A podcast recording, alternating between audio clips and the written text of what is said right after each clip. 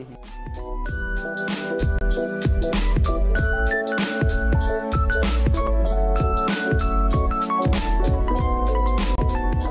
masyarakat, kali ini kembali lagi di podcast Himanura Bersuara. Perkenalkan nama gue Dava Putri Prananda bersama partner gue. Dan gue Dina. Nah, kedatangan kita kali ini membawakan episode yang mungkin cukup menarik. Yaitu apa di episode kali ini? tentang organisasi dan mahasiswa di masa pandemi. Nah, pada saat ini juga kita pun kedatangan tiga narasumber yang sedang panas-panasnya.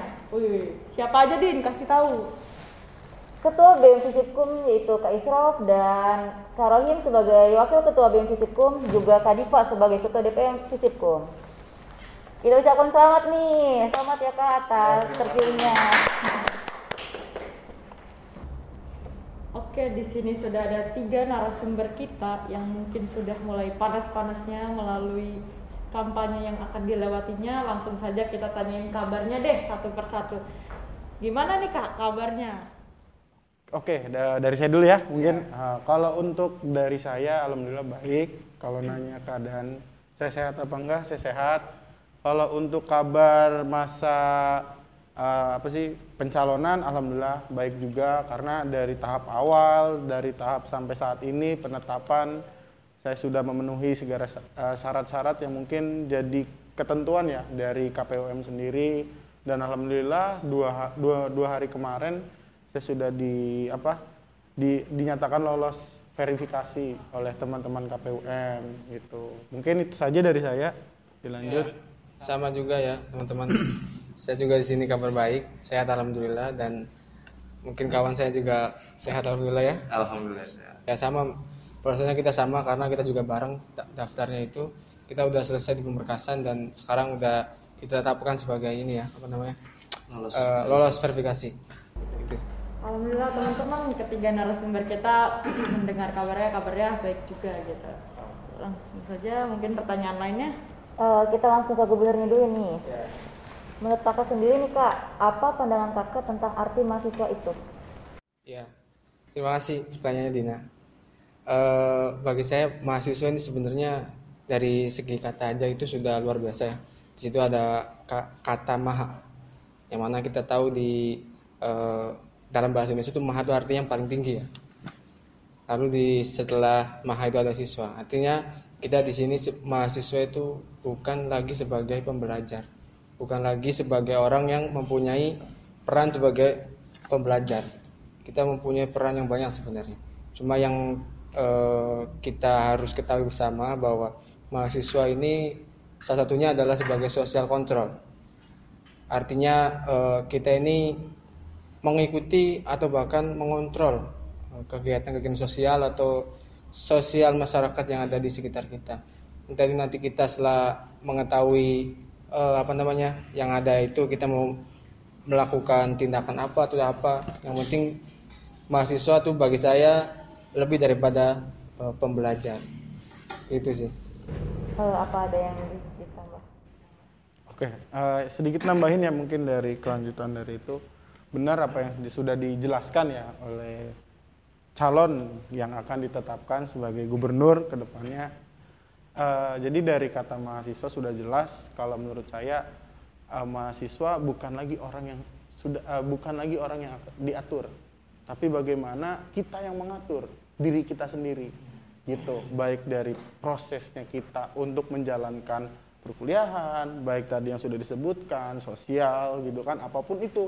Dan itu memang dimulai dari diri kita sendiri gitu. Jadi sebaiknya apa pun yang harus kita lakukan bercermin dulu pada diri kita sendiri gitu. Jadi semoga ah, teman-teman yang mungkin nanti melihat ah, sebelum melakukan sesuatu ataupun tindakan ya yang mengatasnamakan mahasiswa coba bercer- bercermin dulu gitu. Takutnya ke depannya kita diajak aksi atau diajak apa tapi kita nggak tahu nih.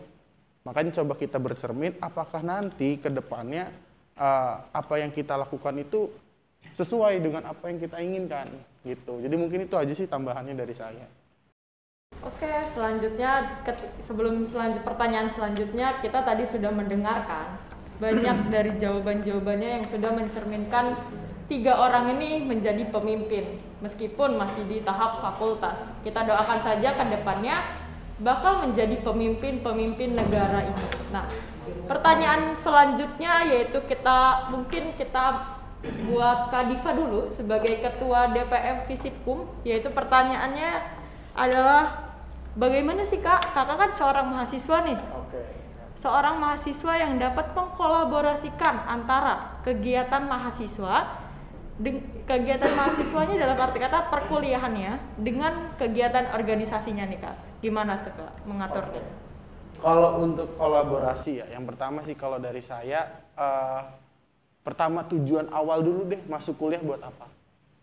Gitu. Tujuan pertama kalian kuliah masuk per- ke perkuliahan itu buat apa? Kalau memang kalian masuk kuliah buat organisasi, ini nggak usah kuliah. Banyak di luar daripada kampus organisasi di luar, gitu. Dan kalau memang tujuan kalian untuk berpen, apa, untuk melakukan apa uh, pembelajaran di dunia kampus, lakukan hal itu dulu, gitu. Jadi utamakan segala sesuatunya yang memang jadi tujuan awal. Ingat gitu tuh. Memang kalau untuk dalam situasi kondisi yang memang terdesak ada dua pilihan, pilih mana nih antara akademik dengan uh, organisasi. Itu bukan sebuah pilihan, tapi emban semuanya 100% kalau di dalam angka gitu. Jadi eh, 100% untuk akademik, 100% untuk organisasi gitu. Dan kalau memang tidak bisa juga dua-duanya kita emban dengan waktu yang bersamaan, mohon untuk konfirmasi atau izin terlebih dahulu kepada yang memang memegang tanggung jawab yang lebih daripada kita gitu. Contoh kalau semisalkan saya sebagai keanggotaan gitu ya, saya harus izin dulu nih sama ketuanya harus seperti apa gitu. Dan yang selanjutnya ya untuk ke depannya harus sinkron gitu tuh di, di dalam dunia perkuliahan kalau memang sudah selesai dan memang sudah ini tanggung jawab untuk organisasinya seperti itu kalau dari saya dalam hitungan persen dua-duanya harus 100% tapi ingat tujuan awal masuk kuliahnya mau ngapain itu aja sih kalau dari saya Iya benar. Benar juga kita tuh memang eh, harus tahu positioningnya. Kita sebagai mahasiswa ini awalnya untuk apa dan eh, nanti ke depannya harus apa itu kita harus tahu. Perihal namanya organisasi itu dua-duanya kata ketua tadi harus 100% itu betul, tapi kita juga harus memprioritaskan. Tuh. Artinya dari eh, kedua hal ini harus ada satu yang kita prioritaskan. Nah, kalau menurut saya sih yang harus kita prioritas, prioritaskan itu adalah studi kita atau ininya kuliah kita ini harus kita benar-benar fokus itu. Nah, yang namanya organisasi itu kita bisa jadikan sebagai apa namanya kegiatan di samping kuliah. Apalagi kalau khususnya ini ya apa mahasiswa FISIP ya, itu kan organisasi itu penting banget sebagai kalau bagi saya sih sebagai lab- laboratorium ya, sebagai eh, tempat untuk menguji pemahaman yang sudah kita dapat di kelas. Tetap yang pertama itu adalah kita harus prioritaskan studi kita itu. Perihal nanti gimana cara mengaturnya, kita semua tahu sebenarnya. Kalau misalkan ada kegiatan yang tinggal izin ke apa namanya dosen kalau ternyata itu bentrokan, tapi ternyata sama dosennya nggak boleh ya, ya jangan jadi ke acara ke organisasi itu gitu. Organisasi juga pasti akan mem- memaklumi nanti. Itu mungkin ya, kawan mungkin Rohin. intinya yang tadi kan udah dijelaskan sama Iya. ketua DPM sama ketua BEM juga Hmm, intinya kita harus bisa bisa memanage waktu betul. itu sih Ya, kalau kita tidak bisa memanage waktu ya semuanya kena acak-acakan ya betul. Akademik tetap jadi prioritas ya, Kak? Intinya akademik lah yang harus diprioritaskan Prioritaskan. karena itu tanggung jawab yang paling berat Oke, selanjutnya nih Kak. Biasanya kalau misalkan rapat atau kita ada sesi diskusi tuh pastinya ada perbedaan pendapat nih. Nih, bagaimana dapat eh, menengahkannya nih dalam perbedaan pendapat itu dan dalam mengambil keputusannya itu? Itu mah pasti ada ya yang namanya perdebatan itu pasti, ya. pasti. Atau perbedaan lah ya di dalam apa namanya yang eh, rapat atau dalam organisasi itu yang namanya perbedaan itu ada dan memang harus ada. Tapi kita juga ha- harus bisa mengatasi itu karena eh, di dalam perbedaan itu terdapat, terdapat eh, apa namanya hal-hal yang mungkin kita itu salah untuk bisa menanggapinya. gitu. Ya contoh misalnya ada masalah, kalau kitanya tidak mem- mempunyai sikap yang baik, sikap yang dewasa, itu akhirnya nanti perbedaan malah jadi eh, apa namanya ya, se- jadi hal yang buruk bagi kita. jadi hal yang nanti merugikan merugikan kitanya semua gitu ya Hmm. ya mungkin itu Ya, dan juga salah satu proses pendewasaan juga sih buat kita. ya betul Ya kalau untuk ada perbedaan ya kalau saya menambahkan saja sih sebenarnya ya kalau untuk perbedaan itu hal yang wajar lah ya. Namanya beda orang pasti beda eh, kepala gitu tuh. Maksudnya ya beda sifat juga gitu kan. Karena kita nggak tahu nih karakter seseorang ini seperti apa kan gitu. Kalau untuk mengambil keputusan harus dan wajib juga dimusyawarahkan atau dikomunikasikan. Intinya seperti itu. Jangan eh, jangan melakukan tahap yang memang eh, tanpa adanya komunikasi. Itu sih kalau menurut saya di dalam perbedaan itu hal yang wajar. Itu aja sih kalau ya intinya saya. mungkin kita harus dewasa ya harus bisa bijak misalkan kita contoh ambil eh, kita mulai ini ya ambil contoh ya. Misalkan dalam rapat itu kita mau mengadakan suatu acara. Acara itu kita anggaplah itu acara apa gitu ya? Acara eh, liburan lah ya. Atau bukan liburan kalau organisasi kurang ini ya. Makrab, makrab, makrab. Atau eh, acara apa nih? Seminar. Seminar. Eh, itu saya nggak ketemu saya lupa udah lama banget kan seminar sebelum pandemi. Aduh, mau ngomong seminar aja kayak Iya, grogi grogi banget. grogi banget. Aduh. nggak grogi sebenarnya. Ya misalnya kita lagi rapat kalau kita bahas tentang seminar. Ah itu ada yang meng, ada yang mau berpendapat. Seminar itu kita konsepkan acaranya formal aja ah itu sa- satu orang yang meng- mengatakan seperti itu ada lagi yang mengatakan seminar itu nanti kita di luar ruangan aja di parkiran gitu.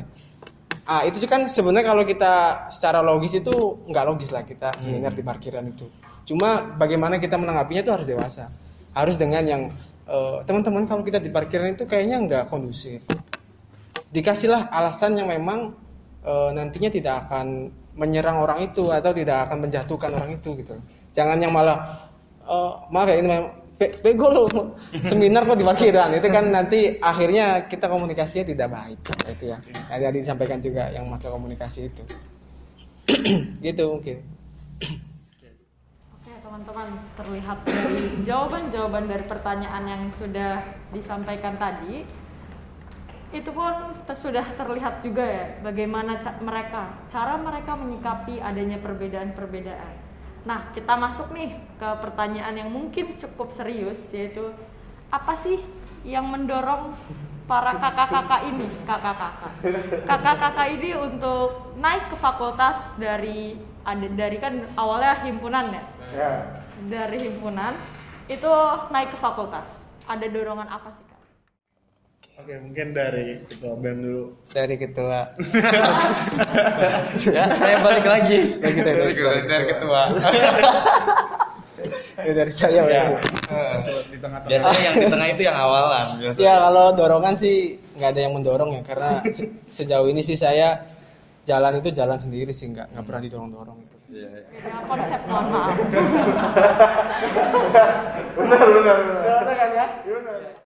Tapi kalau secara ininya, eh, saya maju sebagai ketua BEM ini, eh, memang dorong utamanya adalah teman-teman.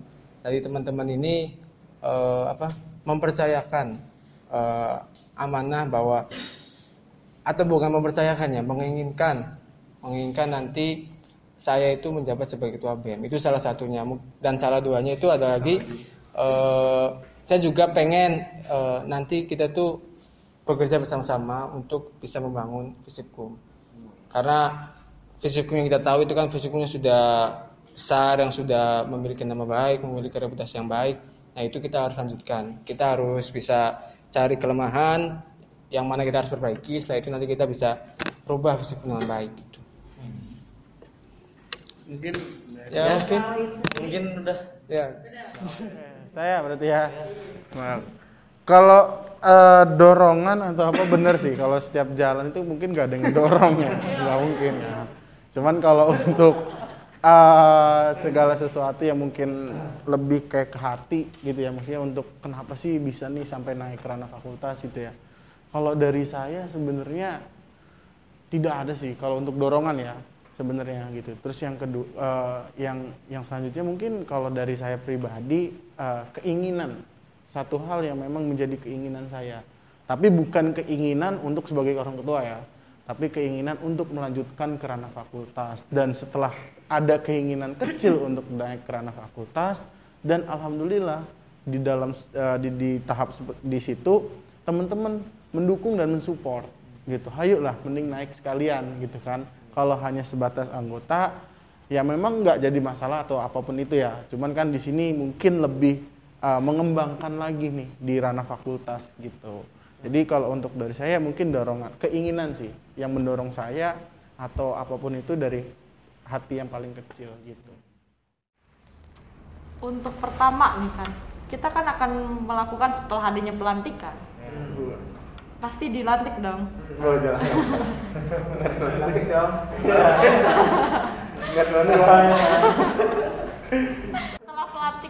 apa sih hal yang bakal dilakuin dari sebagai baik sebagai ketua DPM dan juga sebagai gubernur barunya Visipkum? Apa yang bakal kakak lakuin hal pertama? Oke, kalau untuk hal pertama mungkin bisa saya dulu ya menjawab ya mungkin. Kita mengalir aja ini ya. Iya, jadi ya. Urutan jawab aja dulu. Iya. Karena kalau kalau dari saya setelah adanya pelantikan yang pertama memang eh, di dalam tubuh organisasi itu pasti ada yang mengatur ataupun ada aturan.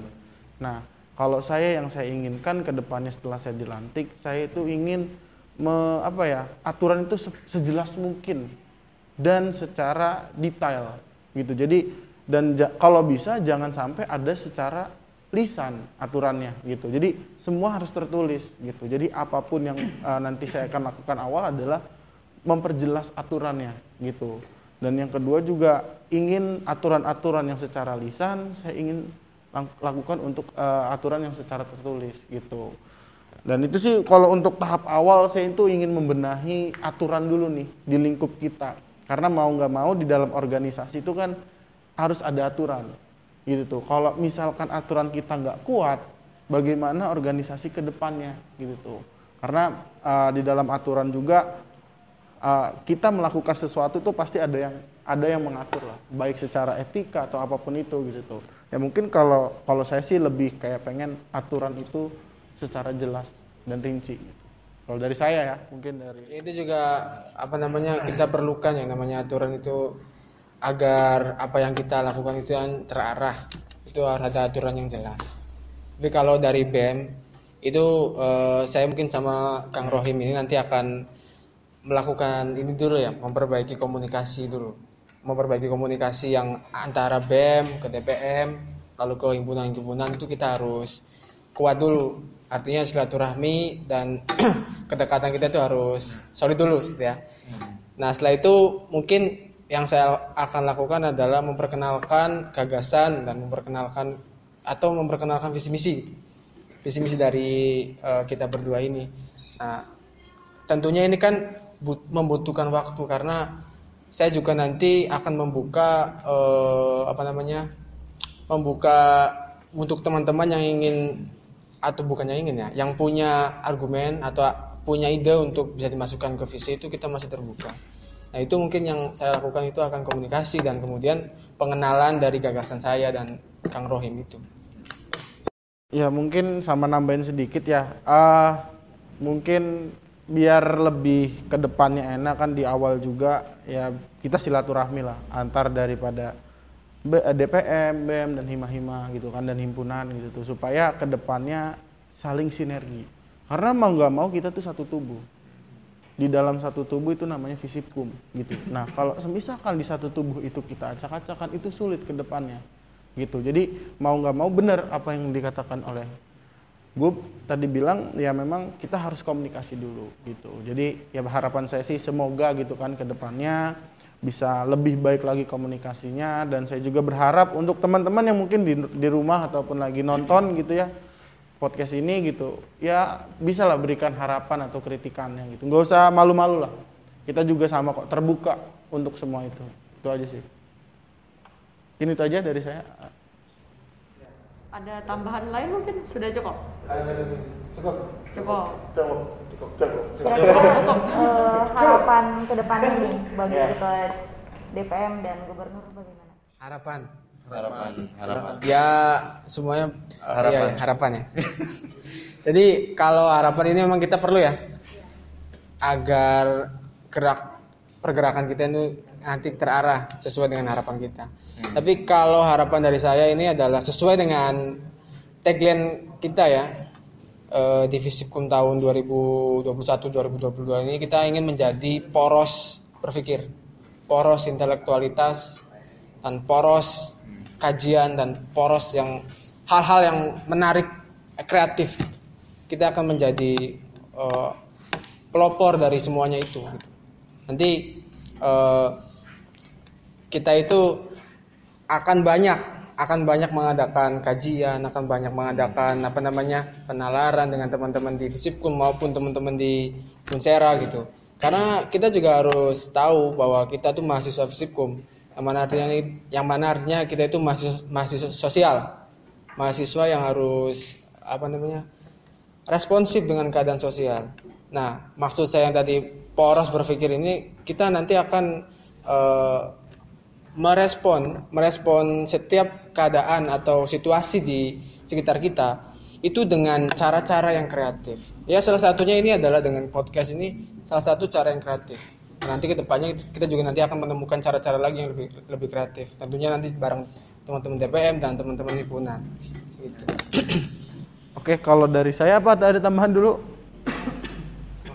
Oke, kalau dari saya sih harapannya mungkin lebih kayak ke depannya karena kan kita dari DPM sendiri kan eh, lembaga ada yang legislasi, controlling, budgeting kan gitu kan.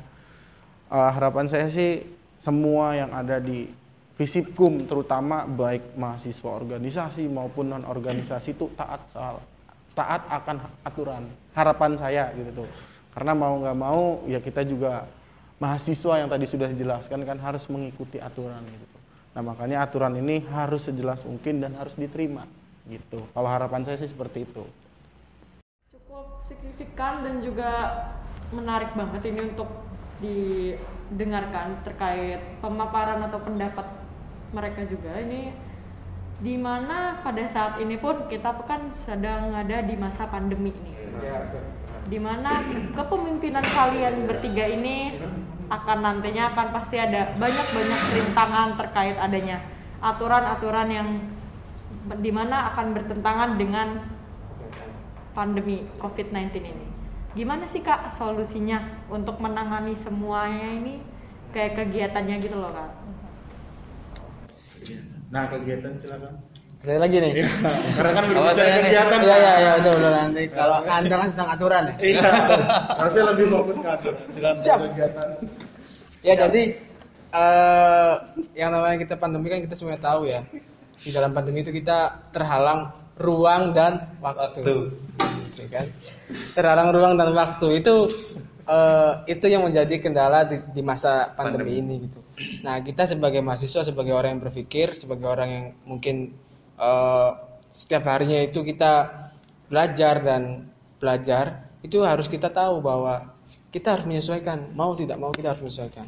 Untuk kegiatan itu kita harus memanfaatkan memanfaatkan teknologi yang ada. Misalkan kayak kita mau ada kajian jika memang eh, keadaannya memungkinkan untuk kita bertemu ya kita adakan pertemuan dengan tentunya dengan prokes yang ketat gitu. tapi ternyata tidak memungkinkan kita juga jangan memaksakan. Artinya kita juga harus menyesuaikan nih dengan keadaan. Nah kita harus manfaatkan media sosial. Salah satunya ya ya ini po- podcast atau nanti kita lewat zoom. Itu kita harus ini apa namanya harus bisa masuk ke situ. Soalnya kalau kita sebagai organisatoris ya lalu nanti kita mau mengadakan kegiatan dan alasannya tetap dengan alasannya adalah pandemi-pandemi itu menurut saya tidak kreatif ya. Kita juga di sini harus dituntut untuk kreatif.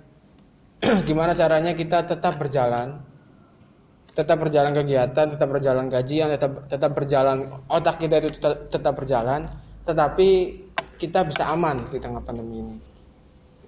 Ya satunya itu tadi yang podcast, Zoom, webinar ya webinar terus mungkin ya ya media-media yang lain lah untuk kita manfaatkan kita harus itu termasuk ke situ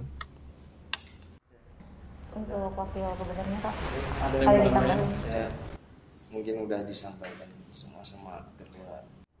Satu suara ya kalian ini ya sangat Kompak. kompak banget. Serasi. Serasi bang. Iya, kompak banget. Oke, terakhir sebelum penutup pasti ada pertanyaan yang paling inti. Silahkan. Nah, visi misinya nih. Waduh. Oke, kalau visi misi sih saya eh, pertama ya yang lebih lebih menekankan adalah kalau di misi saya itu asas kekeluargaan dulu nih di dalam lingkup DPM gitu. Terus juga saya tuh ingin menekankan ya DPM kita ini lebih kontribusi dan komunikasi gitu. Jadi lebih harus nih eh, dan controlling juga ya. Jadi harus benar-benar nih daripada di mana Hima dan BEM itu benar-benar menjalankan apa yang menjadi tujuannya gitu. Jadi saya itu lebih menekankan di internal DPM-nya sendiri dan untuk mahasiswa ke depannya ya mungkin eh, ataupun ya dari organisasi yang lain gitu kan eh, akan saya lebih lebih ke aturan lagi sih. Kalau saya lebih memang lebih ingin memperjelas sih. Salah satu yang mungkin akan saya lakukan kan tadi ya mungkin perihal ya pertama yang bisa saya jelaskan karena selama saya di himpunan karena saya nggak tahu nih GBHO garis besar haluan organisasi sistematika penulisan surat menyurat kan gitu kan saya juga nggak tahu nih itu selama saya di himpunan gitu nah makanya kenapa sih itu lebih tahap ke situ dulu nih karena supaya ke depannya daripada BEM himpunan yang lain yang mungkin ada di jurusan Hima Prodi itu lebih tertatar lagi gitu tuh mengenai surat menyurat supaya tidak salah. Ya minimal nama deh nama prodi tuh ataupun dekan yang lainnya itu jangan sampai salah terus gitu. Itu aja sih kalau dari saya. Mungkin agak sedikit lupa ya mungkin nanti visi misinya bisa saya sampaikan lagi karena saya nggak bawa catatan gitu. Gitu dadakan sekali gitu ya. Gitu. Mau catatan. eh iya bawanya apa ya? Jadi eh, itu ada dua ya itu itu visi misi yang mungkin saya dua sebut, bisa sebutkan nanti saya tambahkan lagi gitu. Iya. Selanjutnya mungkin dari gubernurnya. Vis- visi misi ya? Eh, visi foya ya? Visi mau ya. visi foya. Visi misi? Fayo fayo Visi visi visi visi. Nggak, nggak, gitu doang, gitu canda aja ya. Eh, jadi visi kita ke depan, ini kita pasangan poros ber- berpikir itu nanti terciptanya KBM Visipkum yang menjadi poros utama intelektualitas kreatif dari pergerakan mahasiswa Unsera yang berdasarkan rasa, pikiran, dan tindakan dalam semangat kebermanfaatan. Nah, Itu artinya yang yang paling kita tekankan itu adalah sisi berpikirnya sisi, sisi- sisi berpikir yang harus optimal dengan rasa, pikiran dan tindakan. Nanti akhirnya kita itu semoga nanti bisa bermanfaat. Begitu. Ya, gitu. mungkin misinya itu dari kita ya. Hmm. Satu, menguatkan fundamental organisasi dari BEM Visipkum. Dan yang keduanya, membudidaya, membudayakan semangat aktif berpikir kritis dengan kreatif. Tiga, sinergitas antar organisasi di Visipkum. Empat, kajian dan penalaran terhadap kondisi sosial politik dalam rangka belajar belajar dan aktif kritis. Lima, kebebasan berpikir dan berkarya dan keenam yaitu kebermanfaatan untuk semua. Jadi mungkin dari visi misi kita ini Fokusnya. benar-benar fokusnya dalam pikiran gitu. Betul. Kita itu harus lebih apa namanya meruncingkan lagi pikiran kita gitu untuk Jadi sebelum kita melakukan sesuatu hal ya kita harus pikirkan dulu mana Betul. yang baik dan mana yang tidak baiknya gitu. ya betul. Oke teman-teman dari penyampaian visi misi kemudian ada bagaimana solusi untuk ke depannya dan harapannya juga dan sudah kita lihat bahwasanya ketiga orang ini baik Kak Diva, Kak Isrof dan juga Kak Rohim ini mempunyai mimpi dan mem- untuk membawa Visipkum ke depannya yang lebih baik.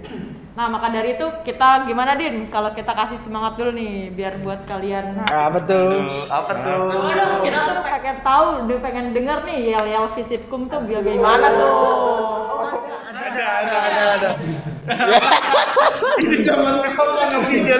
Ya mau, ya mau dijelasin. Oke, jadi enaknya enggak. Abis, abis. Hey, Oki dari enaknya enggak. Abis, abis. Hey. sekali. Terakhirnya apa? Visipkum. Assalamualaikum. Assalamualaikum. Gimana teman-teman dari awal yang sudah di Itu sama. Sangat meriah ya, Iya, ya? sangat meriah banget. Kita yang meriah ya. Jadi gue terbawa semangat ya. Dan kita harap dari yel-yel tersebut pun membawa semangat untuk ke depannya terus untuk melanjutkan perjalanan organisasi di- baik di ranah fakultas hingga universitas pada nantinya.